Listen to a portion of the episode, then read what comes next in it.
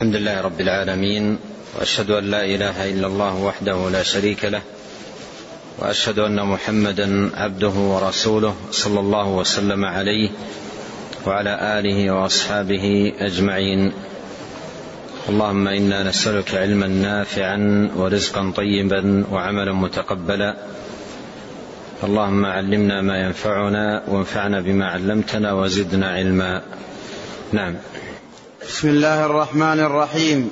الحمد لله رب العالمين والصلاة والسلام على عبد الله ورسوله نبينا محمد وعلى آله وصحبه أجمعين. قال الشيخ العلامة أبو عبد الله عبد الرحمن بن ناصر السعدي رحمه الله تعالى. الشيخ عبد الرحمن بن ناصر ضبطها بكسر السين السعدي. عبد الرحمن بن ناصر السعدي. رحمه الله تعالى في كتابه الدين الصحيح يحل جميع المشاكل. قال رحمه الله المشكلة الثالثة مشكلة الغنى والفقر. وأما ما صنعه الدين الإسلامي مع الفقراء فقد أمرهم وكل من لم يدرك محبوباته النفسية أن يصبروا ويرضوا بقضائه وتدبيره وأن يعترفوا أن الله حكيم له في ذلك حكم. وفيه مصالح متنوعة. وعسى أن تكرهوا شيئا وهو خير لكم. وعسى أن تحبوا شيئا وهو شر لكم. والله يعلم وأنتم لا تعلمون. فنظرهم هذا يذهب الحزن الذي يقع في القلوب فيحدث العجز والكسل. فيحدث. فيحدث العجز والكسل. ثم أمرهم الا ينظروا في دفع فقرهم وحاجاتهم إلى المخلوقين. ولا يسألوهم إلا حيث لا مندوحة عن السؤال عند الضرورة عند الضرورة إلى ذلك وأن يطلبوا دفع فقرهم من الله وحده لا شريك له بما جعله من الأسباب الدافعة للفقر الجالبة للغنى وهي الأعمال والأسباب المتنوعة كل واحد يشتغل بالسبب الذي يناسبه ويليق بحاله فيستفيد بذلك تحرر تحرره من رق المخلوقين وتمرنه على القوة والنشاط ومحاربة الكسل والفتور. ومع ذلك لا يقع في قلوبهم حسد للأغنياء على ما آتاهم الله من فضله ولا تتمنوا ما فضل الله به بعضكم على بعض. للرجال نصيب مما اكتسبوا وللنساء نصيب مما اكتسبن. واسألوا الله من فضله إن الله كان بكل شيء عليما. وأمرهم أن ينصحوا في أن ينصحوا في أعمالهم ومعاملاتهم وصناعاتهم والا يتعجلوا الرزق بالانغماس في المكاسب الدنيئة التي تذهب الدين والدنيا. وأمرهم بأمرين وأمرهم بأمرين يعينانهم على مشقة الفقر الاقتصاد في تدبير المعاش والاقتناع برزق الله فالرزق القليل مع الاقتصاد الحكيم يكون كثيرا والقناعة كنز لا ينفد وغنى بلا مال فكم من فقير وفق للاقتصاد والقناعة لا يغبط الأغنياء المترفين. وفق. وفق للاقتصاد والقناعة والقناعة لا يغبط الأغنياء المترفين. وفق للاقتصاد والقناعة. وفق للاقتصاد والقناعة لا يغبط الأغنياء المترفين ولا يتبرم بقلة ما, عند ما عنده من الرزق اليسير. فمتى اهتدى أهل الفقر بإرشادات الدين؟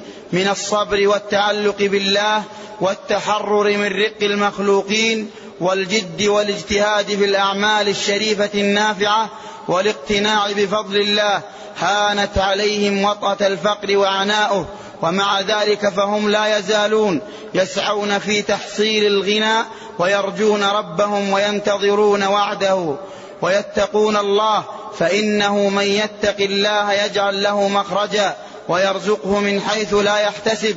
ومن يتوكل على الله فهو حسبه. نعم.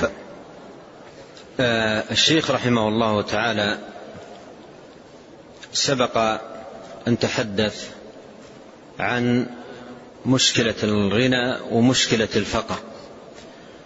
وذكر كما مر معنا بالأمس التوجيهات العامة التي يلزم الغني والفقير الالتزام بها على حد سواء ثم ذكر التوجيهات التي تختص بالأغنياء. ثم انتقل هنا إلى التوجيهات التي تختص بالفقراء توجيهات الإسلام للفقير.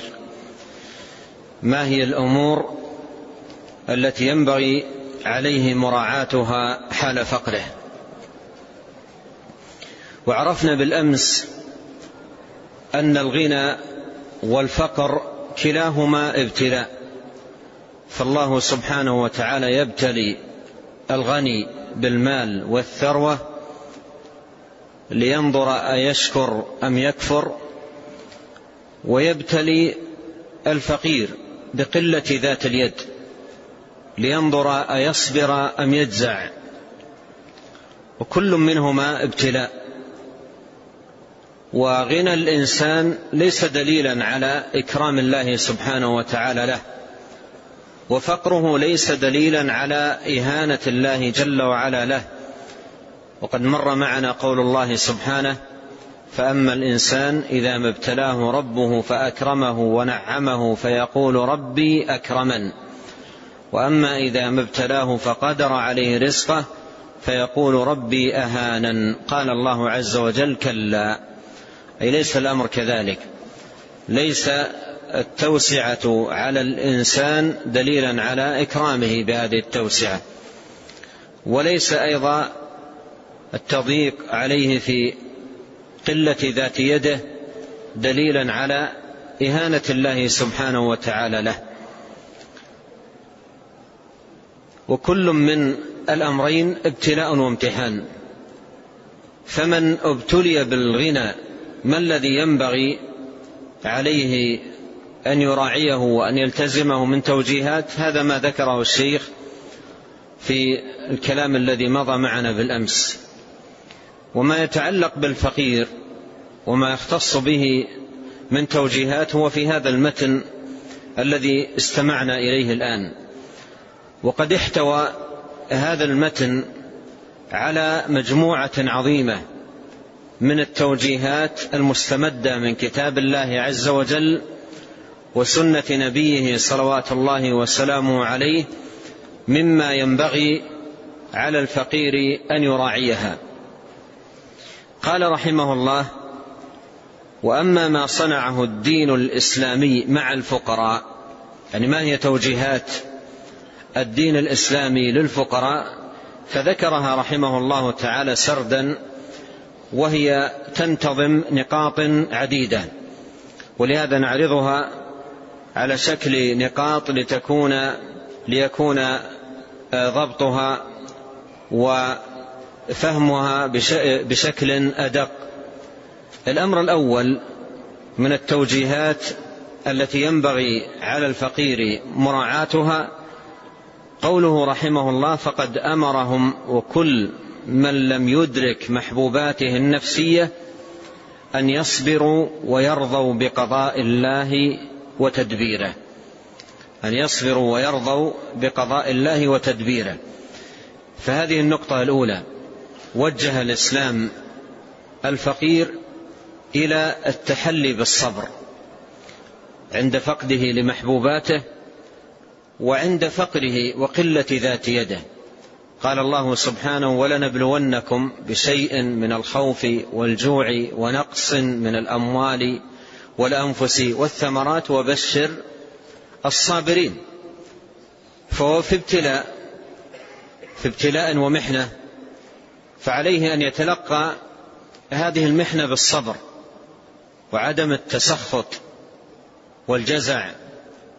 والتشكي شكاية الله سبحانه وتعالى إلى المخلوقين يحذر من ذلك بل يتحلى بالصبر والصبر حبس النفس عن الجزع وعن التشكي والتسخط ومنعها من ذلك.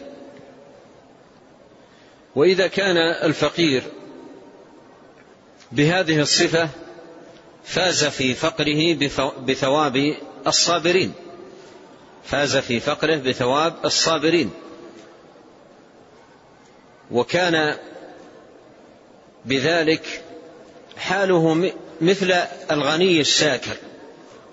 لأن الغني الشاكر والفقير الصابر إذا كان سواء في تقوى الله سبحانه وتعالى فدرجتهما واحدة.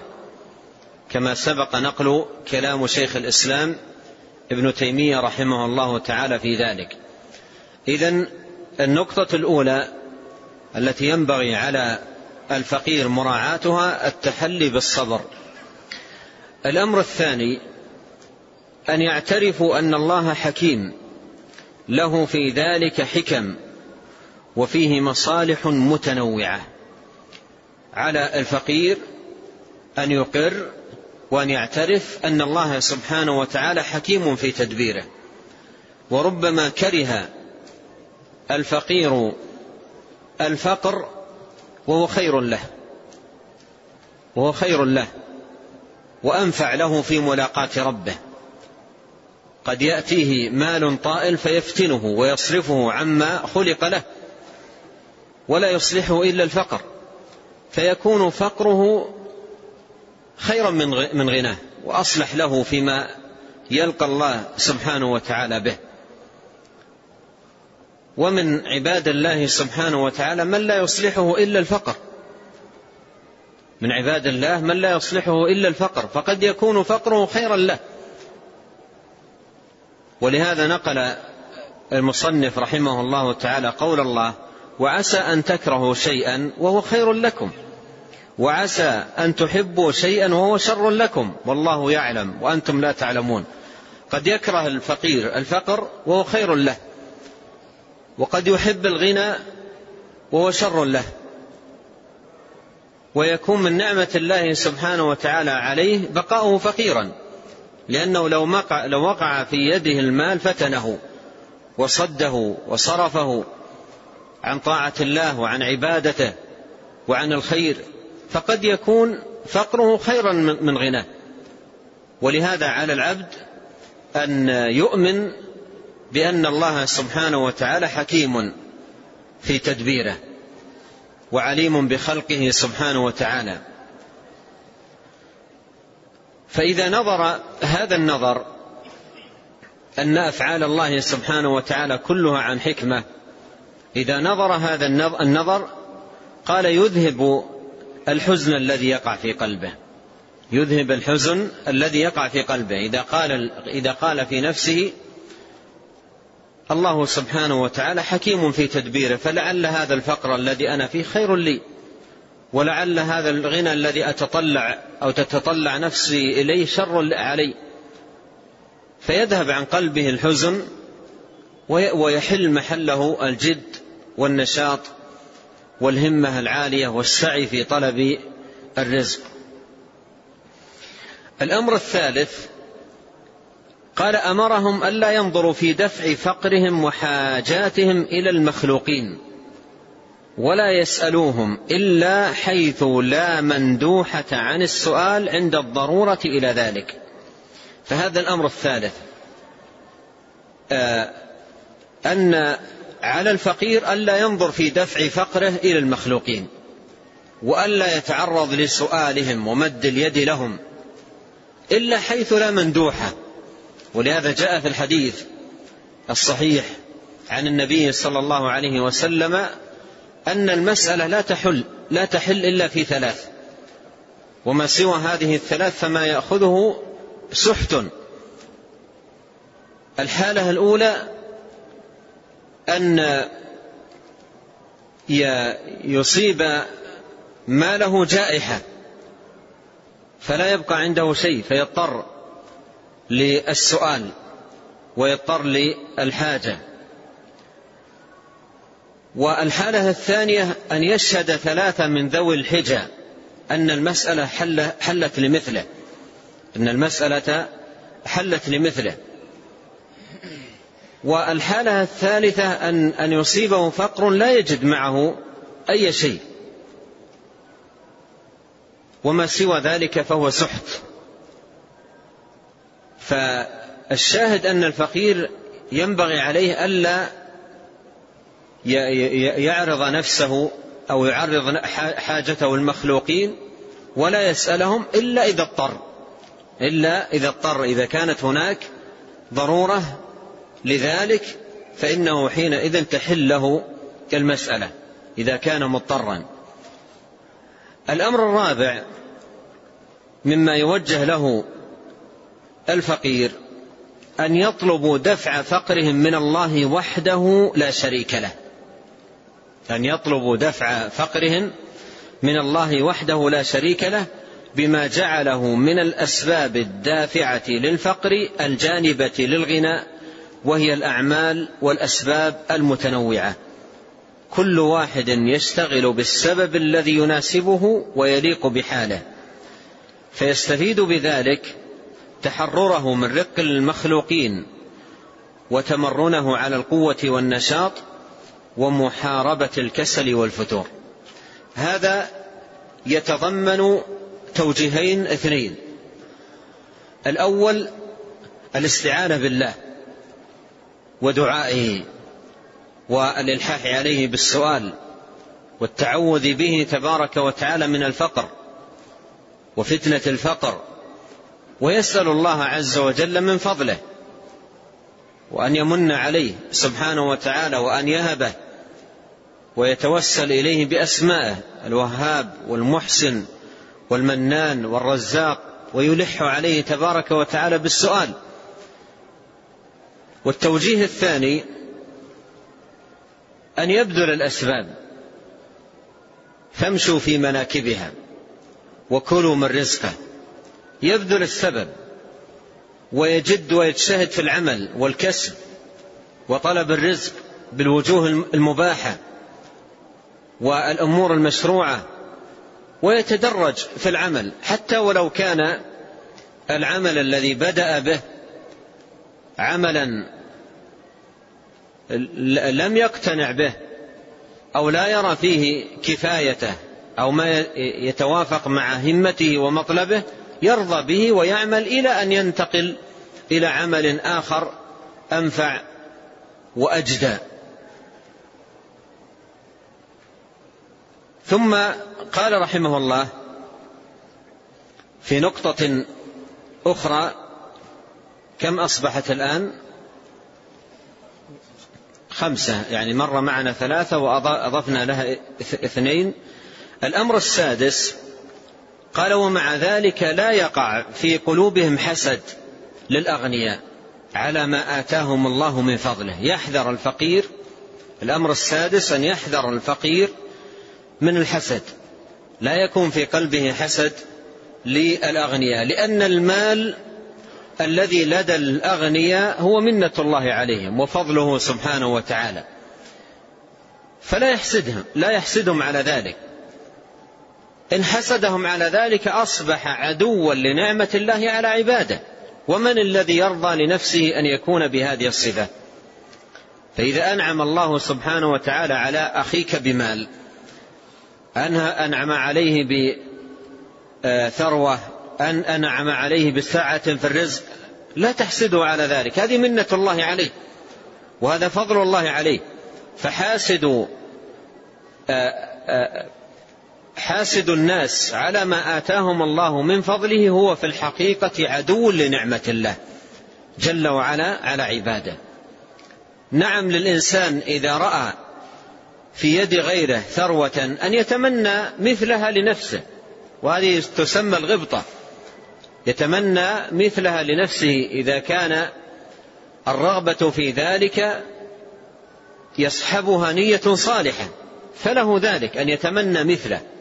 أما أن يحسده بكراهية النعمة أو بتمني زوالها عنه أو السعي في زوالها وهذه مراتب الحسد الثلاثة فهي محرمة ولا يحل له ذلك.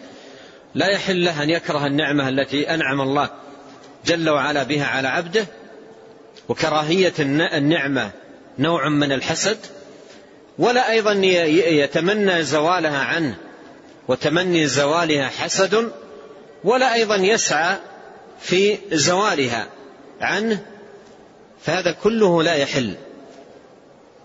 إذا الأمر السادس مما ينبغي للفقير أن يراعيه ألا يحسد الأغنياء على ما آتاهم الله تبارك وتعالى من فضله. قال الله تعالى ولا تتمنوا ما فضل الله به بعضكم على بعض. للرجال نصيب مما اكتسبوا وللنساء نصيب مما اكتسبن. واسألوا الله من فضله.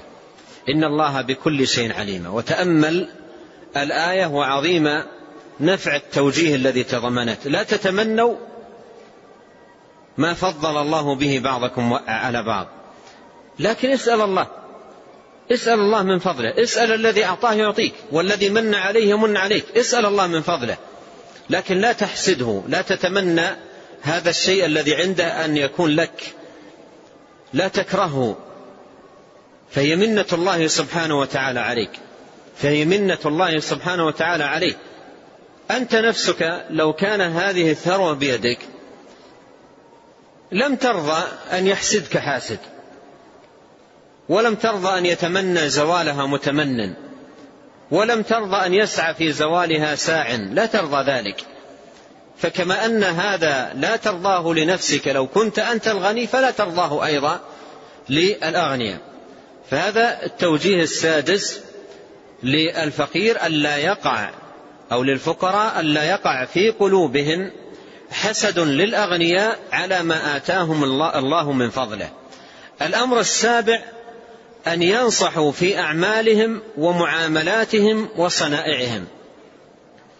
إذا وفق لعمل من الأعمال وظيفة من الوظائف مهنة من المهن صنعة من الصناعات تجارة من التجارات إذا وفق لأي من ذلك فعليه أن يكون ناصحا في معاملته أمينا وفيا صادقا حسن المعاملة فإن هذه من أسباب البركة في رزقه ومن أسباب ثقة الناس به ومن أسباب نماء ماله وزيادة الخير عنده بخلاف من تكون معاملته والعياذ بالله بالغش والكذب والتدليس على الناس وإساءة الخلق معهم ونحو ذلك من المعاملات. الأمر الثامن ألا يتعجل ألا يتعجل الرزق بالانغماس في المكاسب الدنيئة التي تذهب الدين والدنيا. ألا يتعجل الرزق بالانغماس في المكاسب الدنيئة. يعني بعض الفقراء يريد أن يتخلص من مشكلة الفقر لكن لا يبالي بالوسيلة. لا يبالي بالوسيلة. المهم, أن المهم عنده أن يتخلص من مشكلة الفقر. الوسيلة لا يبالي بها. هل يدخل في ربا؟ لا يهمه. بعضهم لا يبالي لو ابتز أموالا أو سرق أو تعدى ظلما على أموال الآخرين أو ادعى لنفسه ما ليس له. لا يبالي أن يحصل أموال الآخرين بالغش بالظلم بالتعدي بالكذب. لا يبالي بذلك. المهم عنده أن يذهب عنه الفقر وأن يصبح ثريا وصاحب مال. الطريقة لا يبالي بها. ولهذا ذكر الشيخ رحمه الله هذا الأمر الذي ينبغي على الفقير مراعاته ألا ينغمس في المكاسب الدنيئة التي تذهب الدين والدنيا. التي تذهب الدين والدنيا لا يدخل في أي مكسب دنيء ولا في أي مكسب محرم ولا في أي بيع نهى الله سبحانه وتعالى عنه ولا يدخل في ظلم ولا كذب ولا غش ولا تدليس ولا غير ذلك من المعاملات بل يحرص على الكسب الذي أباحه الله سبحانه وتعالى له. ويلتحق بهذا الأمر وهو أمر تاسع وأهم من هذا الأمر أن يحذر وهي طريقة يسلكها بعض الناس لحل مشكلة الفقر أن يحذر من الذهاب للسحرة والكهنة والدجالين والعرافين وأن يأخذ منهم التمائم والحروز والتعويذات وأشياء من هذا القبيل يفعلها بعض الناس زعما وتوهما أن فيها حل لمشكلة الفقر. وإذا أراد بعضهم أن يدخل في تجارة ذهب إلى كاهن واستشاره في تجارته أو في سفره أو إلى ساحر أو إلى مشعوذ أو إلى دجال أو نحو ذلك. فهذا هدم للدين. وبيع له بأرخص الأثمان والعياذ بالله. وإضرار بإضرار منه بدنياه وأخراه فيكون بذلك أوبق دنياه وأخراه فلا يتعلق مثل هذه التعلقات. وأيضا لا يتعلق بالمقبورين كما يفعل بعض الجهال في تجارة أو في بيع أو في حل لمشكلة الفقر يتعلق بالمقبورين توجها لهم ونذرا لهم وتبركا بهم. وطلبا منهم والتجاء إليهم فهذا كله من الشرك بالله جل وعلا الذي يهدم دنيا الإنسان وأخرى فيحذر من ذلك كله. الأمر العاشر والحادي عشر قال وأمرهم بأمرين يعينانهم على مشقة الفقر. الاقتصاد في تدبير المعاش والاقتناع برزق الله فالرزق القليل مع الاقتصاد الحكيم يكون كثيرا والقناعة كنز لا ينفد وغنى, وغنى بلا مال فهذان أمران. الأمر الأول الاقتصاد الاقتصاد في المعاش أي يوازن معاشه في طعامه في شرابه في مسكنه في ملبسه في مركبه على قدر ذات يده. على قدر ذات يده. وهذه مهمة جدا. كثير من الناس يتعدى مرحلة الاقتصاد في المعاش على قدر ذات اليد إلى الدخول في ديون لا يتحملها. وكل هذه الديون منصبة في كمالات.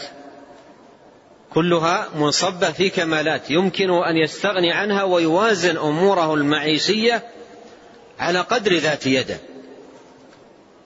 فالاقتصاد من الأمور المهمة جدا. وبالاقتصاد يصبح القليل كثيرا.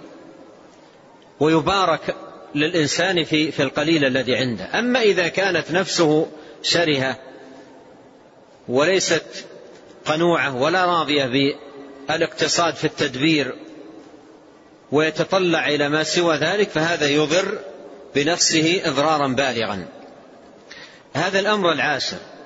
الأمر الحادي عشر القناعة. القناعة. والقناعة هي الرضا بما قسم الله سبحانه وتعالى له. وليس الغنى كما جاء في الحديث بكثرة العرض ولكن الغنى غنى النفس.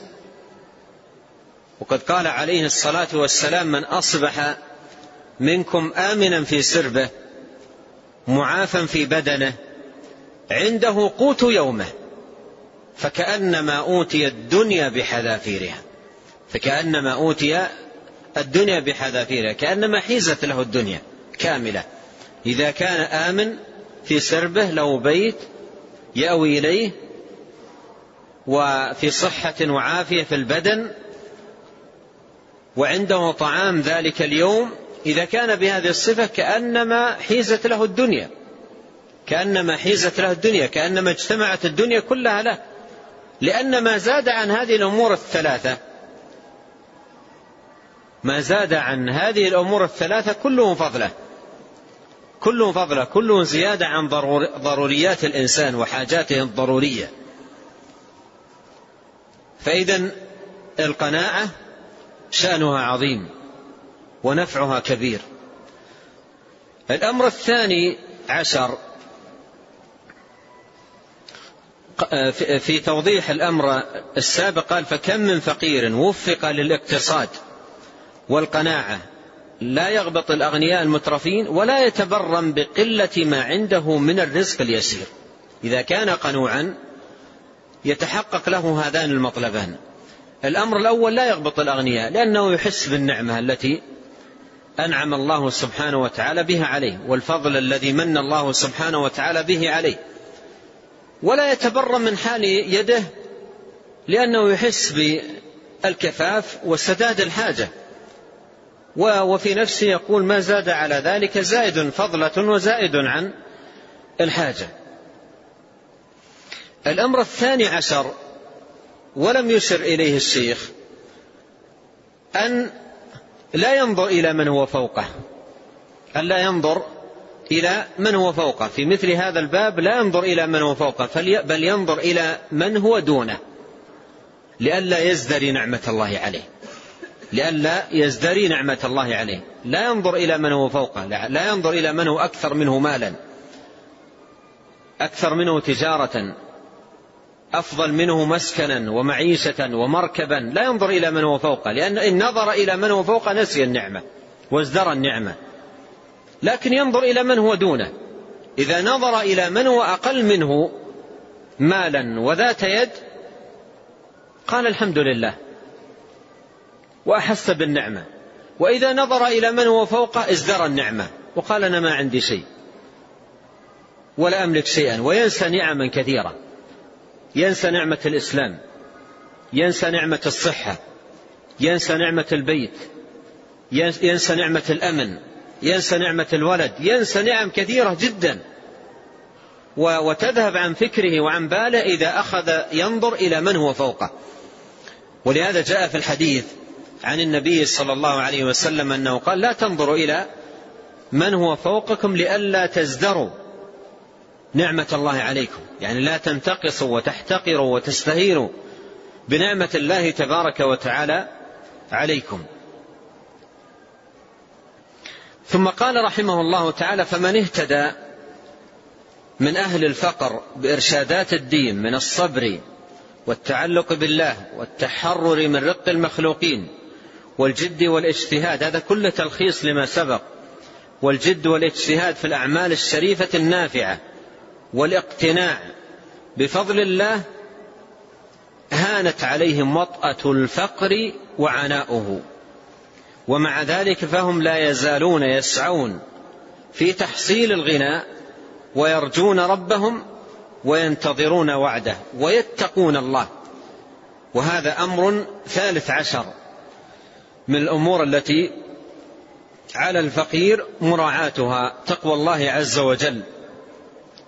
وقد قال الله تعالى ومن يتق الله يجعل له مخرجا ويرزقه من حيث لا يحتسب ومن يتوكل على الله فهو حسبه. وتقوى الله عز وجل هي العمل بطاعة الله على نور من الله رجاء ثواب الله. وأن يترك معصية الله على نور من الله خيفة عذاب الله.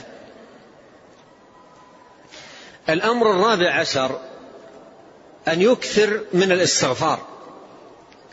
عملا بقوله سبحانه وتعالى فقلت استغفروا ربكم إنه كان غفارا يرسل السماء عليكم مدرارا ويمددكم بأموال وبنين ويجعل لكم جنات ويجعل لكم أنهارا. ولهذا إذا حس العبد بضعف ذات اليد يكثر من الاستغفار. جاء رجل إلى الحسن البصري رحمه الله يشكو الفاق الفاقة والفقر قال استغفر الله. وجاءه آخر يشكو عدم الإنجاب قال استغفر الله. وجاءه ثالث يشكو جفاف بستانه. قال استغفر الله. فقال له رجل عنده كل من جاء قلت له استغفر الله. قال لم أزد على القرآن. وتلا قول الله سبحانه فقلت استغفروا ربكم إنه كان غفارا. ثم ذكر جل وعلا الثمرات الدنيوية للاستغفار. يرسل السماء عليكم مدرارا ويمددكم بأموال. وبنين ويجعل لكم جنات ويجعل لكم أنهارا. ويجعل لكم جنات ويجعل لكم أنهارا. فالذي يشكو الفقر يستغفر الله كثيرا. الذي يشكو عدم الإنجاب يستغفر الله كثيرا. الذي يشكو القحط وقلة الماء وجفاف بستانه وتضرر ماشيته يستغفر الله كثيرا. فالاستغفار باب عظيم من أبواب البركة وحلول الرزق وسعة النعمة وكثرة الأولاد وغير ذلك من البركات الدنيوية. أما في الآخرة فقد قال عليه الصلاة والسلام طوبى لمن وجد في صحيفته استغفارا كثيرا. طوبى لمن وجد في صحيفته استغفارا كثيرا. وقد كان نبينا عليه الصلاة والسلام وقد غفر له ما تقدم من ذنبه وما تأخر أكثر الناس استغفارا. يقول أبو هريرة رضي الله عنه وهو يتحدث عن الصدر الأول من هذه الأمة عن خيارها وأفضلها يقول ما رأيت أحدا أكثر من النبي صلى الله عليه وسلم يقول استغفر الله وأتوب إليه. وهو رأى أبو بكر وعمر وعثمان وعلي وخيار الصحابة وعباد الأمة. رأى هؤلاء. يقول ما رأيت أكثر من النبي صلى الله عليه وسلم يقول استغفر الله وأتوب إليه. ويحصى له في المجلس الواحد استغفر الله وأتوب إليه أكثر من مئة مرة. تقول عائشة رضي الله عنها ما أصبح رسول الله صلى الله عليه وسلم غداة يوم؟ إلا استغفر الله مئة مرة فكان عليه الصلاة والسلام كثير الاستغفار. كان عليه الصلاة والسلام كثير الاستغفار. فالاستغفار له فوائده العظيمة وآثاره المباركة على العبد في دنياه وأخراه. له ثمار عظيمة على العبد في الدنيا من آه، آه، آه، حصول الغنى حصول البركة في المال في الرزق في الولد في التجارة في غير ذلك وحصول الثواب العظيم والأجر الجزيل يوم القيامة. فهذه جملة من التوجيهات العظيمة. آه هذه جملة من التوجيهات العظيمة التي آه مرت معنا في كلام المصنف رحمه الله تعالى. أيضا الأمر الخامس عشر من الأمور التي ينبغي أن يراعيها الفقير أن لا يلتفت للأسباب. أن لا يلتفت للأسباب ولا يعتمد عليها. إذا باشر سببا أو وظيفة أو عملا أو تجارة أو صنعة لا يلتفت إليها. بل يكون اعتماده وثقته وتوكله على الله سبحانه وتعالى وحده. وفي خاتمة ما ذكر المصنف قول الله تعالى ومن يتوكل على الله فهو حسبه فيكون توكله وثقته بالله. يبذل السبب ويحرص على الذي ينفعه من تجارة أو صناعة أو غير ذلك ولا يعتمد على ذلك ولا يثق به وإنما تكون ثقته واعتماده وتوكله على الله سبحانه وتعالى ومن يتوكل على الله فهو حسبه. وقد وجه النبي عليه الصلاة والسلام من يخرج من بيته أن يقول في كل مرة يخرج من بيته لحاجة دينية أو دنيوية أن يقول بسم الله توكلت على الله لا حول ولا قوة إلا بالله. قال فيقال له حينئذ هديت وكفيت ووقيت. كل هذه الأمور الثلاثة تجتمع له ثم الشيطان الذي يرصده لخروجه لإغوائه وإضلاله والإساءة إليه يقول للشياطين كيف لكم برجل هدي وكفي ووقي؟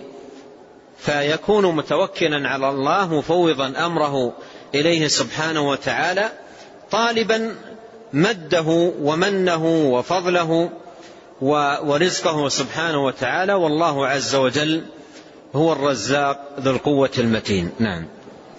قال رحمه الله فهذه التعاليم الدينية والإرشادات من الله ورسوله لأهل الغنى والفقر تجلب لهم الخيرات تمنعهم من الشرور والمضرات وتنتج لهم أجمل الثمرات العاجلة والآجلة. فهذا الحل الوحيد من الرب المجيد لمشكلة الفقر الغنى والفقر. وما سوى ذلك فعناء وشقاء وضرر وهلاك. والله الموفق. لما ذكر رحمه الله تعالى أن هذا هو الحل أن هذا هو الحل لمشكلة الغنى ومشكلة الفقر وأن هذا الحل هو الذي يجلب الخيرات ويمنع الشرور والمضرات وأنه ينتج له أجمل الثمرات العاجلة والآجلة. حذر من الحلول الفاسدة العاطلة الباطلة. قال فهذا الحل الوحيد من الرب المجيد لمشكلة الغنى والفقر. وما سوى ذلك فعناء وشقاء وضرر وهلاك. ومن ينظر واقع الناس يجد فعلا تطرح حلول لمشكلة الفقر. تطرح حلول لمشكلة الفقر. لكنها حلول فاسدة. وفي كثير منها حلول تجري على تجني على الدين وتضر بعبادة الإنسان وتوجهه إلى الله سبحانه وتعالى. وتجد في بعضها غرابة وفي بعضها نكارة وفي بعضها إساءة وفي بعضها عبث بالعقول والأفكار والأفهام. في بعضها تعطيل للهمم والجد والاجتهاد والنشاط. يعني من الأمور التي تذكر وربما تشاهد كحل من الحلول التي يطرحها بعض دعاة الضلال وأئمة الباطل. بعض الناس بعض الناس يجلس في الصباح الباكر معه سبحة معه سبحة وتكون أيضا طويلة. ثم يجلس لا يسبح بها في الصباح. لا يسبح بها وإنما يسحب بهذه الطريقة. يمسك السبحة في الصباح ويسحب باستمرار مرات كثيرة. أنا رأيت مرة شخصا يفعل ذلك. وهو ليس تسبيح قطعا لأنه يسحب عشر أو عشرين خرزة دفعة واحدة. فهو قطعا ليس تسبيح لكن ما هو؟ هذا موضع تساؤل. فسألت شخصا من المهتدين قال هذا نسميه جلب الرزق. نسميه جلب الرزق وسبح وسحب الرزق. يقول في الصباح نجلس نسحب الرزق بالسبحة وبعد أن هذا نجلس فترة طويلة في الصباح نجر السبحة بهذه الطريقة سحبا للرزق وجلبا له. هذا الآن عندما وجه هذا التوجيه حلا لمشكلته عطل عن العمل عطل عن ذكر الله عطل عن الدعاء عطل عن التسبيح عطل عن قراءة القرآن عطل عن الاستغفار. إلى هذا النوع من العبث وضياع العقول والأفهام كحل لمشكلة فقره. وهكذا أيضا يوجه آخرون إلى إلى إلى إلى مشعوذين أو إلى كهنة أو إلى تعليق حروز أو نحو ذلك إما للوقاية من من الفقر أو لجلب الغنى أو نحو ذلك من التعاليق الباطلة أو الذهاب إلى القبور للتبرك بها والطلب منها والاستنجاد بالمقبورين. ما بين خرافة إلى بدعة إلى شرك إلى ضلال إلى غير ذلك من الأمور التي تطرح للجهال حلا لمشكلة الفقر. وكل ذلك ضياع في الدين وفي العبادة وفي الخلق وفي العقول أيضا والأفهام. لكن الحل الصحيح لهذه المشكلة في ضوء كتاب الله وسنة نبيه صلوات الله وسلامه عليه وفي حدود هذه النقاط التي ذكرها المؤلف رحمه الله وجمعها في هذا المتن النافع المفيد. نعم. قال ونظير هذه المسألة مسألة الصحة والمرض فإن الشريعة الإسلامية جاءت بأكمل الأمور فيها أمرت بكل ما يحفظ الصحة وينميها وما يدفع الأمراض أو يخففها بحسب الإمكان وفصلت في هذا الموضوع, الموضوع تفاصيل نافعة تدور على حفظ الصحة وتنميتها والحمية من جميع المؤذيات والأمور الضارة وعلى السعي للتحرز من الأمراض قبل نزولها ومداواتها بعد نزولها وأمرت مع ذلك بالتوكل على الله والاعتماد عليه والعلم بأنه تعالى هو المعطي للنعم الدافع للنقم بلطفه وقدرته ورحمته وبما جعله من الأسباب الكثيرة التي علمها الله العباد وأمرهم بسلوكها وأمر أيضا بمقاومة الأمراض بأمور أخرى غير الأدوية الحسية. أمر بالصبر لله على المكاره إيمانا به واحتسابا لثوابه فإنه بذلك تخف مشقة الأمراض بما يحصل للصابر المحتسب من الإيمان واليقين والثواب العاجل والآجل. وكذلك أمر بقوة الاعتماد على الله عند نزول المص قال رحمه الله ونظير هذه المسألة مسألة الصحة والمرض. مسألة الصحة والمرض. أي إلى ماذا يوجه الصحيح؟ وأيضا إلى ماذا يوجه المريض؟ وما هي الحلول الإسلامية والتوجيهات الشرعية لكل منهما. قال فإن الشريعة الإسلامية جاءت بأكمل الأمور فيها فأمرت بكل ما يحفظ الصحة وينميها وما يدفع الأمراض أو يخففها بحسب الإمكان. ولهذا ما من ينظر إلى السنة في باب الشراب الغذاء الطعام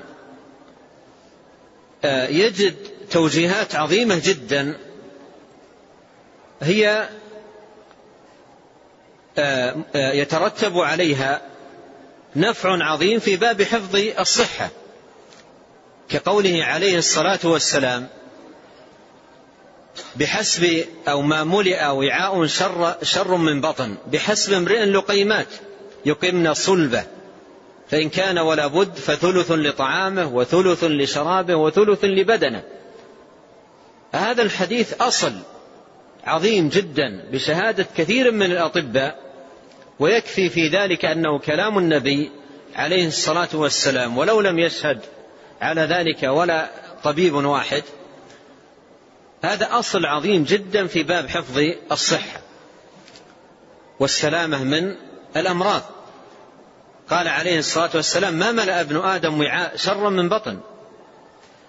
فهنا إرشاد إلى أصل عظيم من أصول حفظ الصحة وهي الحمية ومراعاة التغذية وعدم ملء البطن بالأخلاط وأنواع المأكولات والأغذية والأشربة. فقول الله سبحانه وتعالى كلوا واشربوا ولا تسرفوا. ففي الكتاب والسنة قواعد وتأصيلات عظيمة جدا ومباركة فيها حفظ صحة العبد وحفظ بدنه وحميته بإذن الله سبحانه وتعالى من الأمور الضارة المؤذية. قال أمرت بكل ما يحفظ الصحة وينميها وما يدفع الأمراض أو يخففها بحسب الإمكان. وفصلت في هذا الموضوع تفصيلا نافعا. ومن أراد أن يقف على ما جاء في الكتاب والسنة في هذا الباب فليقرأ كتاب الطب النبوي من زاد المعاد. لابن القيم رحمه الله يجد في هذا الباب علما غزيرا وفوائد جمة ومنافع جليلة في باب الصحة وحفظها ومعالجة الأمراض في ضوء ما جاء في كتاب الله وسنة نبيه صلوات الله وسلامه عليه. قال وفصلت في هذا الموضوع تفاصيل نافعة. تفاصيل نافعة. يرجع في هذا إلى كتاب زاد المعاد أو كتاب الطب النبوي من زاد المعاد لابن القيم. قال تفاصيل نافعة تدور على حفظ الصحة وتنميتها والحمية من جميع المؤذيات والأمور الضارة. وعلى السعي في التحرز من الأمراض قبل نزولها ومداواتها بعد نزولها. حتى ما يعرف في زماننا بالطب الوقائي جاء في السنة عن النبي صلى الله عليه وسلم أنه قال من اصطبح بسبع تمرات من العجوة أو من عجوة العالية في ألفاظ للحديث لم يضره عين ولا سحر أو كما قال عليه الصلاة والسلام هذا طب وقائي وكذلك الأدعية المأثورة والأذكار المباركة التي من واظب عليها لم يضره شيء في يومه ولم يضره شيء في, في منامه. فالسنة جاءت بحفظ الصحة وبدفع الأمراض والأسقام وبالتعوذات المباركة والأدعية النافعة وجاءت أيضا بالأدوية. في القرآن والسنة أشفية كثيرة جدا لأنواع كثيرة من الأمراض. قال وأمرت مع ذلك بالتوكل على الله والاعتماد عليه والعلم بأنه تعالى هو المعطي للنعم الدافع للنقم بلطفه وقدرته ورحمته وبما جعل من الأسباب الكثيرة التي علمها الله العباد وأمرهم بسلوكها. فهذا أمر عظيم في هذا الباب وهو التوكل على الله والثقة به واعتقاد أن العافية والصحة والشفاء منه. قال إبراهيم الخليل فيما ذكره الله في القرآن وإذا مرضت فهو يشفين وفي دعاء نبينا عليه الصلاة والسلام في رقية المريض اللهم رب الناس مذهب البأس وفي رواية أذهب البأس واشف أنت الشافي لا شفاء إلا شفاؤك شفاء لا يغادر سقما. فالشفاء من الله سبحانه وتعالى ومن أسمائه جل وعلا الحسنى الشافي أي الذي بيده جل وعلا الشفاء. قال وأمر أيضا بمقاومة الأمراض. أمر بمقاومة الأمراض بأمور أخرى غير الأدوية الحسية. أمر بالصبر لله على المكاره إيمانا به واحتسابا لثوابه فإنه بذلك تخف مشقة المرض. المريض عندما يحتسب عندما يحتسب مرضه كفارة وطهورا له من مرضه فإن وطأة المرض تخف عليه. لأنه يرجو من وراء ذلك أجرا عظيما وثوابا جزيلا. هذه المعاناة وهذه الشدة يرجو من ورائها شيء عظيم عند الله. رفعة في الدرجات وتكفير للذنوب والسيئات فتخف عليه وطأة المرض. ولهذا من السنة أن يقال للمريض طهور إن شاء الله.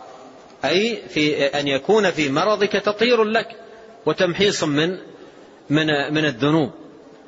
فهذا مما يخفف وطأة المرض وشدته فإنه بذلك تخف مشقة المرض بما يحصل للصابر المحتسب من الإيمان واليقين والثواب العاجل والآجل.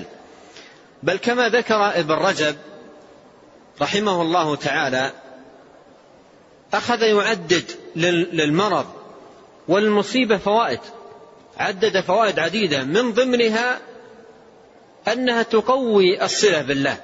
قد يكون الإنسان في غفلة وفي انشغال وفي معاصي وفي آثام. فإذا أصيب بمرض أقعده بدأ يحاسب نفسه. وكثير من الناس كانت توبتهم النصوح على فراش المرض.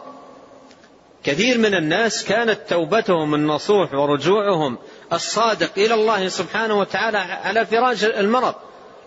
فكان مرضه باب خير عليه باب توبة وإنابة ورجوع إلى الله سبحانه وتعالى ودعاء واستغفار.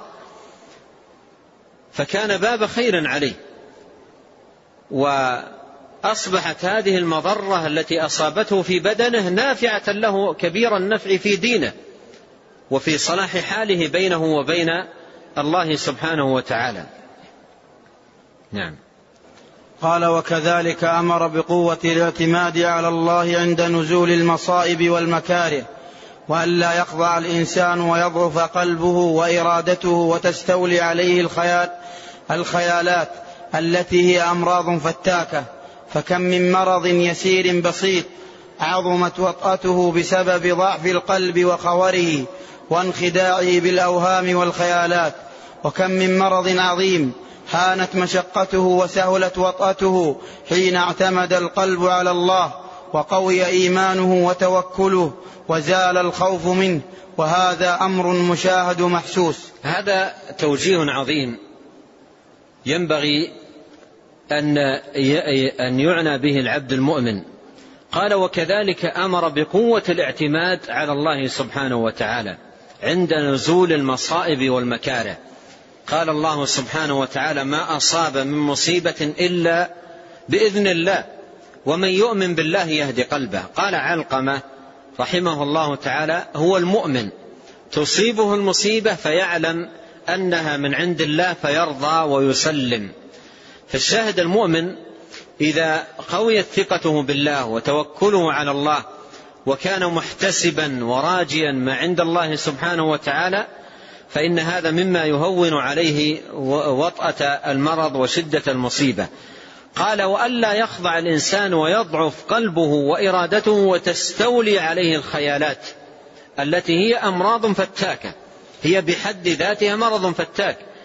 بعض الناس قد يكون مرضه مرضا يسيرا وشيئا سهلا لكن تستولي عليه الأوهام والأفكار السيئة والواردات التي ترد على قلبه وخاطره فينميها فيعيش في أمراض الوهم يعيش في أمراض الوهم وأمراض الأفكار السيئة التي تدور في في قلبه فترهقه إرهاقا شديدا مما هو أشد من المرض اليسير الذي أصابه في بدنه. يعني بعض الناس يصاب بمرض يسير في بدنه. ثم تدخل عليه الأوهام. ويبدأ يفكر تفكيرات تضر به. تارة يعتقد أنه مسحور وتارة أنه مصاب بعين وتارة وتارة ويدخل في أوهام كثيرة وهو ربما فيه مرض يسير بشيء من الحمية أو العلاج اليسير في أيام قليلة ينتهي لكنه يمرض نفسه بأوهام وتخيلات تجعل المرض اليسير مرضا كبيرا. بالمقابل من الناس من يوفقه الله سبحانه وتعالى ويكون مرضه عظيم لكن بما آتاه الله من الثقة به والتوكل عليه والصبر واحتمال الأمور واحتساب الأجر عند الله سبحانه وتعالى يهون المرض عنده. يهون المرض عنده. وتخف وطأته عليه. بل يكون في حال مرضه في سعادة. يجدها في نفسه لا يجدها كثير من الأصحاء الأسوياء. وقد لقيت مرة شابا أصيب بحادث فأصيب بشلل كامل لا يتحرك منه إلا رأسه فقط. لا يتحرك منه إلا رأسه فقط وعمره ستة وعشرين سنة. جميع بدنه لا يتحرك. لا يتحرك منه إلا رأسه فقط. قال لي بالحرف الواحد والله إنني أشعر بسعادة. قال والله إنني أشعر بسعادة. مشيت على قدمي كثيرا أبحث عنها لم أجدها. يقول مشيت على قدمي كثيرا أبحث عنها لم أجدها. يعني دخل في متع في ملهيات في أمور في كذا يبحث عن هذه السعادة. يقول ما وجدتها. يقول والله إنني أجد في قلبي سعادة مشيت على قدمي كثيرا أبحث عنها لم أجدها. سعادة الإيمان والطاعة والصبر والرضا والدعاء والإقبال على الله وذكره إلى غير ذلك. فمن الناس من يكون مرضه عظيم لكن تخف عليه وطأته بثقته بالله بتوكله على الله بالتجائه إلى الله في طلبه ما عند الله احتسابه الثواب والأجر.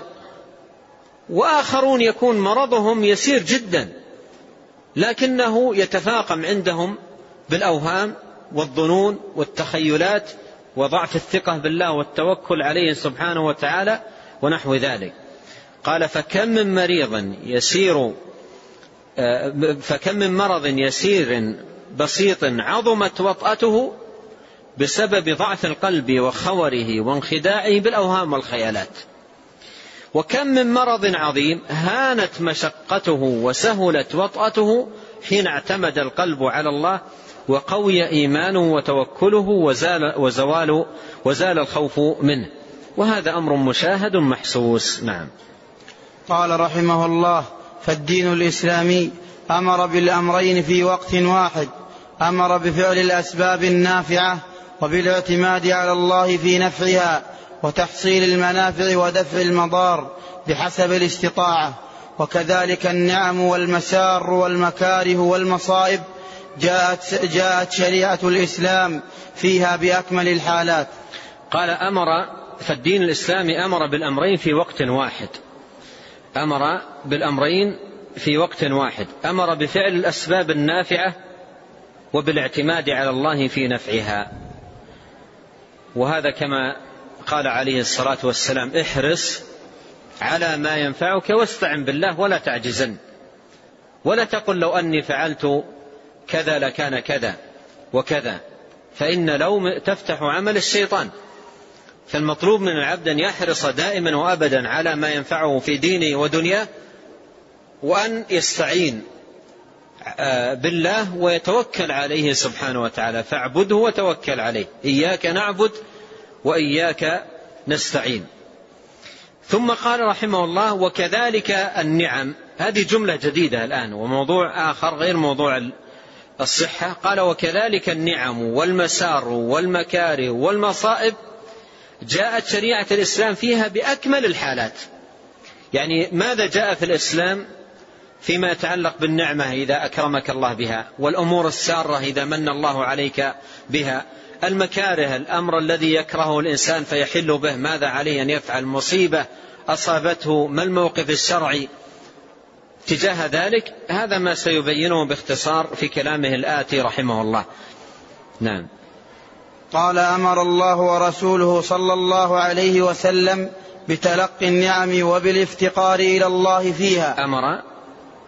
أمر الله ورسوله. صلى الله عليه وسلم بتلقي النعم والافتقار إلى الله فيها. والاعتراف عندك والافتقار؟ إيه. أمر الله ورسوله بتلقي النعم بالافتقار إلى الله فيها. بالافتقار إلى الله فيها. والاعتراف التام بفضل الله بتقديرها وتيسيرها وشكر المنعم بها. شكرا متتابعا وتصريفها فيما كانت لأجله. والاستعانة بها على عبادة الله والا يكون العبد عند عندها أشرا ولا بطرا بل متواضعا شاكرا. وأمر العبد أن يغتنم الفرصة النافعة في النعم فيربح عندها أرباحا عاجلة وآجلة. يغتنم فرصة العافية والصحة والقوة والجدة والجاه والأولاد. فلا يغبن فيها بحيث تكون نعما حاضرة مؤقتة بل, بل يستخرج منها نعما باقية وخيرا متسلسلا ونفعا مستمرا. وفي الحديث اغتنم خمسا قبل خمس شبابك قبل هرمك وصحتك قبل سقمك وفراغك قبل شغلك وغناك قبل فقرك وحياتك قبل موتك. فمتى عرف العبد المقصود من النعم وأنها مجعولة وسائله إلى خيرات الآخرة اجتمع له الأمران.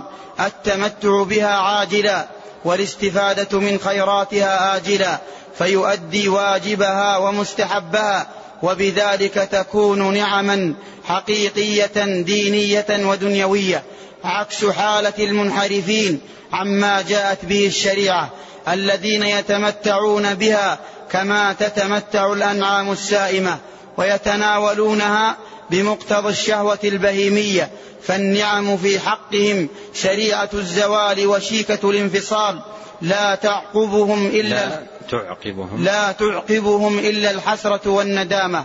والأولون يشاركونهم في التمتع العاجل وربما زادوا عليهم براحة القلب وطمأنينة النفس والسلامة من الهلع والجشع. هذا ما يتعلق بأمر النعمة. إذا أنعم الله سبحانه وتعالى على عبده بها ما الذي ينبغي أن يكون عليه؟ قال أمرهم الله ورسوله صلى الله عليه وسلم بتلقي النعم بالافتقار إلى الله فيها. بالافتقار إلى الله فيها. أن يكون دائما وابدا يشعر بفقره إلى الله واحتياجه إليه. يا أيها الناس أنتم الفقراء إلى الله والله هو الغني الحميد. أنتم الفقراء إلى الله أي من كل وجه. وهو الغني الحميد سبحانه وتعالى عن خلقه من كل وجه. فعلى العبد أن يستشعر دائما وأبدا افتقاره, افتقاره إلى الله واحتياجه إليه. سواء حال فقر العبد أو حال غناه وسعة ذات يده يشعر دائما وأبدا بافتقاره إلى الله واحتياجه إليه وعدم غناه عنه سبحانه وتعالى طرفة عين. والاعتراف التام بفضل الله بتقديرها وتيسيرها وشكر المنعم بها شكرا متتابعا عليه كذلك إذا أكرمه الله سبحانه وتعالى بالنعمة أن يعترف بفضل الله. وأن الفضل فضله سبحانه وتعالى والعطاء عطاؤه. خلاف حال من قال الله عنهم يعرفون نعمة الله ثم ينكرونها. أي ينعم الله عليهم بالنعمة فينسبونها إلى غيره. ينعم الله عليهم بالنعمة فيقول قائلهم أنا حقيق بهذا. أو يقول قائلهم وردته كابرا عن كابر. أو نحو ذلك من العبارات التي ليس فيها اعتراف من المنعم عليه بالمنعم سبحانه وتعالى وفضله ومنه. فإذا يتلقى النعمة بالافتقار ويتلقى النعمة بالاعتراف بالمنعم سبحانه وتعالى وشكر المنعم بها وهو الله عز وجل. وفي الحديث إن الله لا يرضى عن عبده أن يأكل الأكلة. فيحمده عليها ويشرب الشربه فيحمده عليها. قال وشكر المنعم بها شكرا متتابعا. وتصريفها فيما كانت لأجله. اعملوا آل داود شكرا. تصريفها فيما كانت لأجله أي أن يستعملها في طاعة الله وما يقرب إليه. وفي الأمور التي أباح الله سبحانه وتعالى له أن يستعملها فيها. قال والاستعانة بها على عبادة الله أن تكون هذه النعمة عونا له على الطاعة لا أن تكون شاغلة له عن العبادة. بعض الناس يكرمه الله بقليل من المال فيشغله هذا المال عن أداء الصلاة المفروضة. فأي خير في هذا المال؟ يشغله عن فرائض الإسلام أو يستعمل هذا المال في المعاصي والآثام والمحرمات والعياذ بالله. قال وألا يكون العبد عندها أشرا ولا بطرا بل متواضعا شاكرا. إذا من الله عليه بالنعمة لا يكون هذا دافعا له للأشر والبطل والبطر والتعالي والتكبر على الناس والعجب بالنفس بل يتواضع لله سبحانه وتعالى تواضع الشاكرين. وأمر العبد أن يغتنم الفرصة النافعة في النعم. وهذا كلام عظيم جدا. أمر العبد أن يغتنم الفرصة النافعة في النعم فيربح عندها ارباحا عاجلة وآجلة. يعني يحاول العبد أن يستخرج من النعم نعم كثيرة. وأن يوظف النعم في تحصيل نعم كثيرة. قال يغتنم فرصة العافية وهي نعمة. والصحة وهي نعمة. والقوة وهي نعمة. والجدة أن يكون يجد المال. غنيا وهي نعمة. يغتنم الجاه والجاه نعمة. يغتنم الولد. هذه كلها نعم. فيحاول أن يغتنم هذه النعم بشيء يلقاه عند الله سبحانه وتعالى يوم القيامة. كثير من الناس ينعم الله عليه بهذه النعم عافية وصحة وغير ذلك لكنه يكون مغبون في هذه النعمة.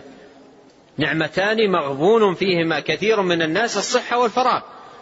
عنده صحة وعافية وقوة ونشاط وسعة من الوقت ولكنها تذهب وتضيع سدى دون أن يحصل فيها شيئا يلقى الله سبحانه وتعالى به يوم القيامة ويحصل عليه ثوابه جل وعلا. قال فلا يغبن فيها بحيث تكون نعما حاضرة مؤقتة. لا يغبن فيها عليه أن يحرص ألا يغبن في هذه النعم لا يغبن في نعمة الصحة. بحيث تكون صحته فقط نعمة مؤقتة. وإذا انتهت الصحة انتهى كل شيء وانتهت الثمار. بل ينبغي أن يستخرج من صحته نعم كثيرة. يلقى الله بها عافيته غناه جاهه غير ذلك كل هذه النعم يحاول أن يستغلها بأن يستخرج منها نعما تبقى له ويلقى الله بها. قال بل يستخرج منها نعما باقية. وخيرا متسلسلا ونفعا مستمرا. واستدل لذلك بالحديث. قال عليه الصلاة والسلام اغتنم خمسا قبل خمس. شبابك قبل هرمك وصحتك قبل سقمك وفراغك قبل شغلك وغناك قبل فقرك, فقرك وحياتك قبل موتك. هذه خمسة أمور الآن. الشباب والصحة والفراغ والغنى والحياة. كل هذه نعم ينبغي على من أنعم الله سبحانه وتعالى عليه بها أن يستغلها. الصحة تتحول إلى مرض الشباب يتحول إلى هرم الفراغ يتحول إلى شغل شغل الغنى يتحول إلى فقر الحياة تتحول إلى موت.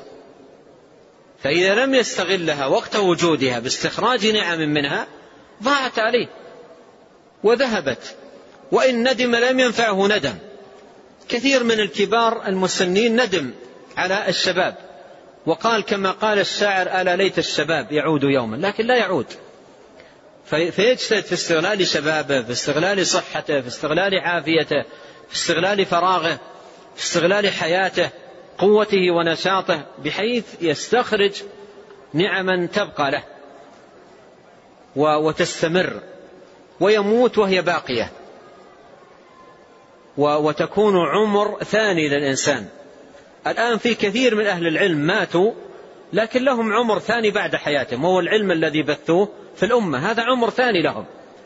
وأجور تتوالى عليهم في قبورهم. وثواب يتوالى عليهم في قبورهم. ومن العجب أن أمواتا في قبورهم تتوالى عليهم الأجور كل يوم. وهناك أحياء على على وجه الأرض بقوة وصحة ونشاط ويحرمون من الأجر كل يوم. ويحرمون من الأجر كل يوم. ميت في قبره تتوالى عليه الأجور وهو في قبره كل يوم. ما يمر يوم إلا ويؤجر. ويثاب على ذلك. نحن الآن نعتقد ونحسب ونظن أن الشيخ عبد الرحمن بن سعد يؤجر الآن على هذا الكتاب الذي اجتمعنا لدراسته وهذه الفوائد التي استفدناها منه. يؤجر على ذلك. فكم من ميت في قبره يؤجر أجورا عظيمة وهو في قبره كل يوم. وكم من إنسان شاب نشيط قوي صحيح معافى ويحرم من الأجر كل يوم. ويحرم من الأجر كل يوم. إذا ينبغي على الإنسان الصحيح الذي أعطاه الله سبحانه وتعالى الصحة والعافية أن يستغل ذلك. يستغل شبابه يستغل صحته يستغل نشاطه يستغل قوته. الشباب لا يبقى والصحة لا تبقى والمال لا يبقى والحياة لا تبقى كلها لا تبقى كلها تذهب. فإذا اجتهد في استغلالها بالنافع المفيد وبالخير وبما يسره أن يلقى الله سبحانه وتعالى به فهذه أكبر غنيمة. أما إذا ضيع هذه الأمور فهو الخاسر. ويندم فيما بعد ولا يفيده الندم ويتحسر فيما بعد ولا يفيده التحسر. قال فمتى عرف العبد المقصود من النعم؟ وأنها مجعولة وسائل إلى خيرات الآخرة. اجتمع له الأمران. انتبه إلى هذا التوجيه العظيم. يقول متى استشعر العبد أن هذه النعم مجعولة وسائل؟ يسأل الإنسان نفسه لماذا هذه الصحة؟ لماذا هذه الحياة؟ لماذا هذه القوة؟ لماذا هذه العافية؟ هي مقصودة لنفسها وإلا مقصودة لغيرها. إذا تفكر المسلم يجد أن هذه كلها مقصودة لغيرها وسائل.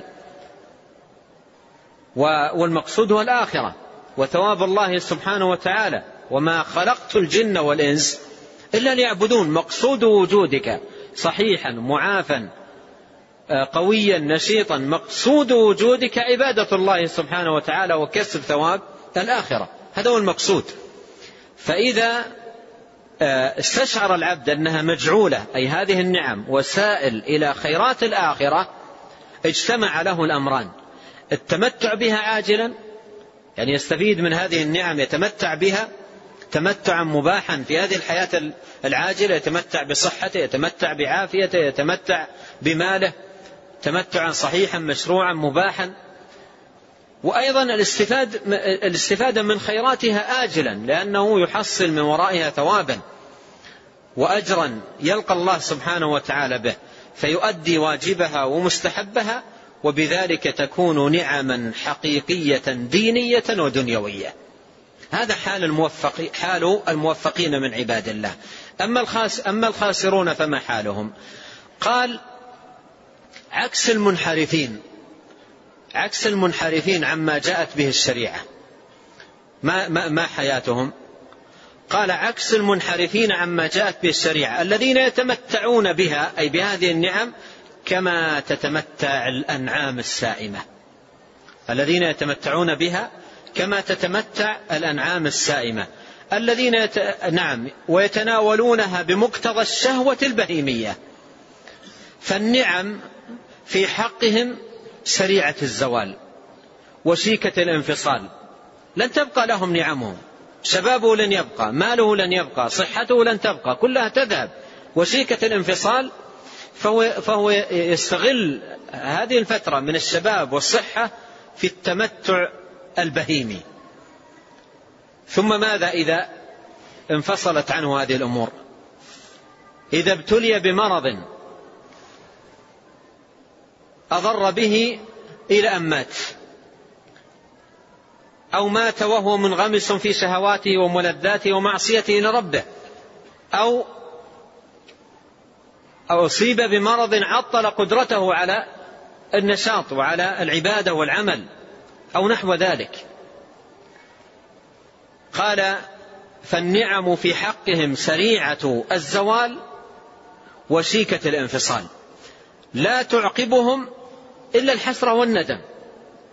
يعني لا يعقب هذا الانغماس في, في هذه الشهوات وهذه المحرمات وهذه النزوات البهيمية إلا الحسرة والندم. والأولون يشاركونهم في التمتع العاجل في حدود ما أباح الله سبحانه وتعالى وربما زادوا عليهم براحة القلب. براحة القلب. يعني عندما يقرن مثلا لتوضيح كلام الشيخ عندما يعقد مقارنة بين شاب أعف نفسه بزواج مباح يقضي شهوته بالمباح ويكون مع أهله في بيته متمتعا وأيضا راجيا من الله سبحانه وتعالى ثوابا على ذلك متمتعا. وراجيا ثوابا من الله سبحانه وتعالى على ذلك. ويؤجر على ذلك. على مؤانسته لأهله ومداعبته لهم إلى آخر ذلك كله يؤجر عليه. وآخر شاب في سنه مال إلى التمتع الحرام وإلى الشهوات البهيمية. فيمارس ذلك في قلق وفي خوف وفي, وفي أمراض يستجلبها لنفسه وفي جنايات ومضرات يضر بها بنفسه. الشاب المستقيم في متعة. في متعة لا يعادلها متعة. ومع ذلك يؤجر. وذاك في نزوات بهيمية تجلب له أضرارا في دنياه وفي أخراه. ولهذا يقول الشيخ رحمه الله والأولون يعني أهل الإيمان والطاعة يشاركونهم في التمتع العاجل في الدنيا وربما زادوا عليهم براحة القلب يتمتع وقلبه مرتاح قلبه مطمئن بخلاف الآخر. قلق المعصية وما تجره عليه من مصائب ومشاكل في الدنيا والآخرة كثيرة. يخاف أن يطلع عليه يخاف أن يعاقب يخاف أن يعلم به الناس أمور كثيرة تقلق قلبه وهو يقع في المعصية. بينما المستقيم يغلق على نفسه بابه مع أهله ويدخل في متعة عظيمة ويرجو ثواب الله. لا قلق وأيضا طمع في ثواب الله سبحانه وتعالى وفضله جل وعلا. فقال يشاركونهم في التمتع العاجل وربما زادوا عليهم براحة القلب وطمأنينة النفس والسلامة من الهلع والجشع. وهذا ما لا يمكن أن يحصله المنحرف. ما لا يمكن أن يحصله المنحرف عن الجادة السوية والصراط المستقيم. نعم.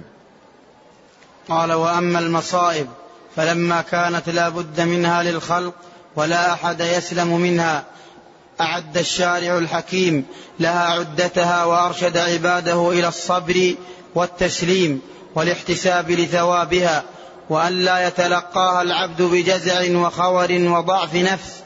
بل بقوة وتوكل على الله وإيمان صادق. وبذلك تخف وقتها وتهون مشقتها ويحصل من الثواب وزيادة ويحصل من الثواب وزيادة الإيمان. أضعاف زيادة الإيمان. وزيادة الإيمان أضعاف وأضعاف ما حصل من المصيبة. أضعاف أضعاف ما حصل من المصيبة. أضعاف أضعاف ما حصل من المصيبة. قال تعالى ولنبلونكم بشيء من الخوف والجوع ونقص من الأموال والأنفس والثمرات وبشر الصابرين الذين إذا أصابتهم مصيبة قالوا إنا لله وإنا إليه راجعون. أولئك عليهم صلوات من ربهم ورحمة وأولئك هم المهتدون. فقال تعالى إنما يوفى الصابرون أجرهم بغير حساب. إن وقال الله عز وجل إن تكونوا تألمون فإنهم يألمون كما تألمون ويرجون من الله ما وترجون. وترجون من الله ما لا يرجون.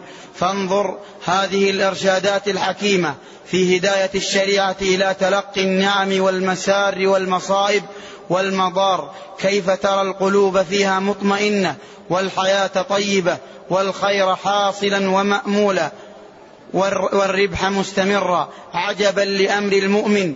إن أمره كله خير. إن أصابته سراء شكر. إن أصابته إن أصابته سراء شكر فكان سراء. سراء شكر فكان خيرا له. وإن أصابته ضراء صبر فكان ضراء. ضراء صبر فكان خيرا له. وليس ذلك لأحد إلا للمؤمن. فإن هذه الحالة فأين؟ فأين هذه فأين هذه الحالة الجليلة العالية من حالة المنحرفين عن الدين؟ الذين أصابتهم النعم الذين إذا أصابتهم النعم بط- بطروا ومرحوا مرح البهائم وتجبروا على عباد الله. وطغوا وبغوا وإذا أصابتهم المكاره جزعوا وضعفوا وربما أدت بهم الحال إلى الانتحار لعدم الصبر وللهلع والجزع الذي لا يحتمل. نسأل الله العافية. نؤجل الكلام على ذلك إلى لقاء القد والله أعلم. وصلى الله وسلم على عبد الله ورسوله نبينا محمد وآله وصحبه أجمعين. جزاكم الله خيرا وبارك الله فيكم. هذا سائل يقول أشكل علي كون كلا الغنى والفقر بلاء وما السر في قول النبي صلى الله عليه وسلم وتعوذه من الفقر.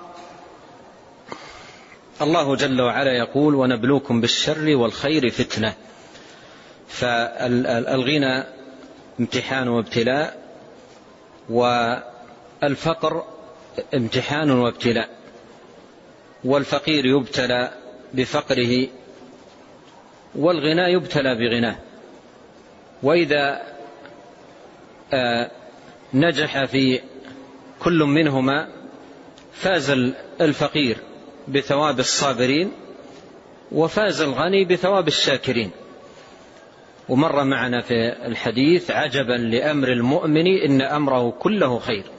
إن أصابته سراء شكر فكان خيرا له وإن أصابته ضراء صبر فكان خيرا له. فالغني يفوز بثواب الشاكرين والفقير يفوز بثواب الصابرين. يكون كل منهما فائز في امتحانه وناجح في اختباره. هذا فاز بثواب أهل الشكر وهذا فاز بثواب أهل الصبر. وأشرت إلى أن أهل العلم اختلفوا أي أيهما أفضل الفقير الصابر أو الغني الشاكر؟ هذا فاز بالصبر وهذا فاز بالشكر فأيهما أفضل؟ يقول ابن القيم رحمة الله عليه سألت شيخ الإسلام عن هذه المسألة فقال أفضلهما أعظمها أعظمهما تقوى لله. أفضلهما أعظمهما تقوى لله. إن أكرمكم عند الله أتقاكم. إن أكرمكم عند الله أتقاكم سواء كان غنيا أو فقيرا الأكرم عند الله الأتقى. فقال شيخ الإسلام أكرمهما أو أعظمهما أتقاهما لله عز وجل. قال فإن استويا في التقوى فهما في درجة واحدة. فإن استويا في التقوى فهما في درجة واحدة. نعم. هذا السائل يقول إذا تحمل رجل حمالة هل عليه أن يسأل الناس؟ إذا كان تحمل حمالة لا, لا يطيقها واضطر أصبح في حدود الضرورة حلت له المسألة. نعم. يقول هل تحديد النسل حلا لمشكلة الفقر؟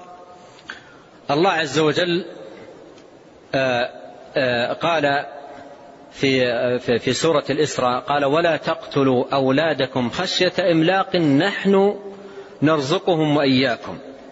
نحن نرزقهم وإياكم. فرزق الأولاد على الله سبحانه وتعالى فليس منع النسل حلا لمشكلة الفقر. ليس حلا لمشكلة الفقر.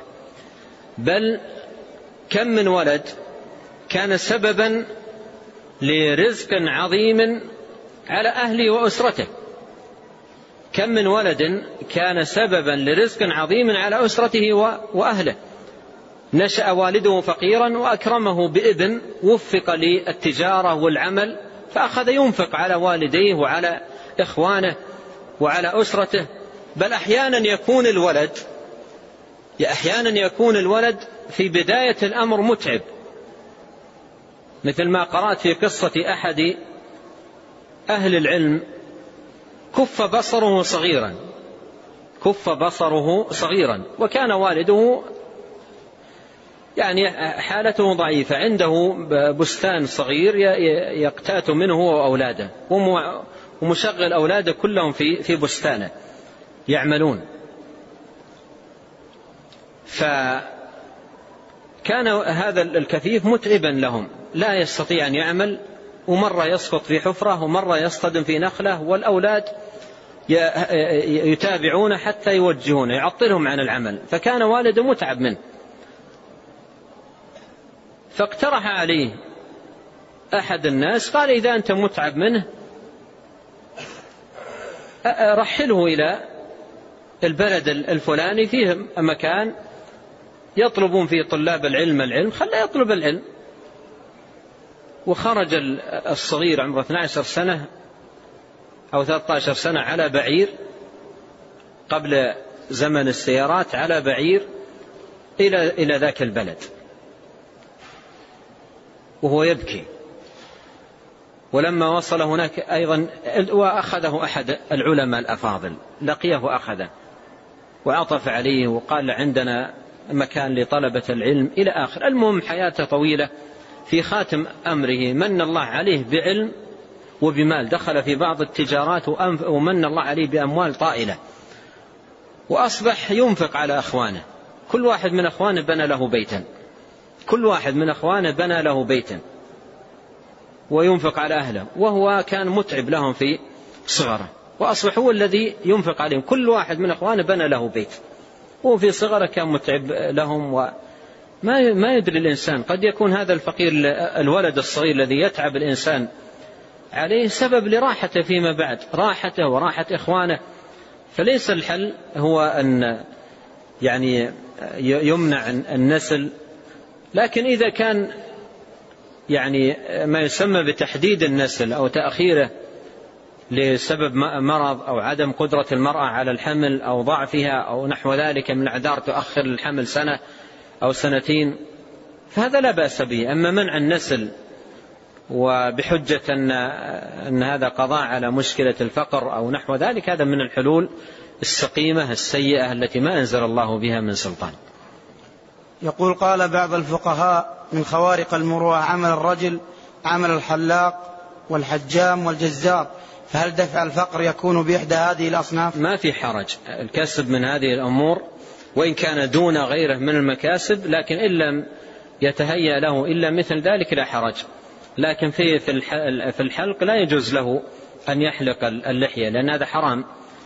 لكن إذا كان يعني يحلق مثل شعر الرأس وكذلك عمل الحجامة النبي صلى الله عليه وسلم احتجم وأعطى الحجام أجرا فهو أجر مباح.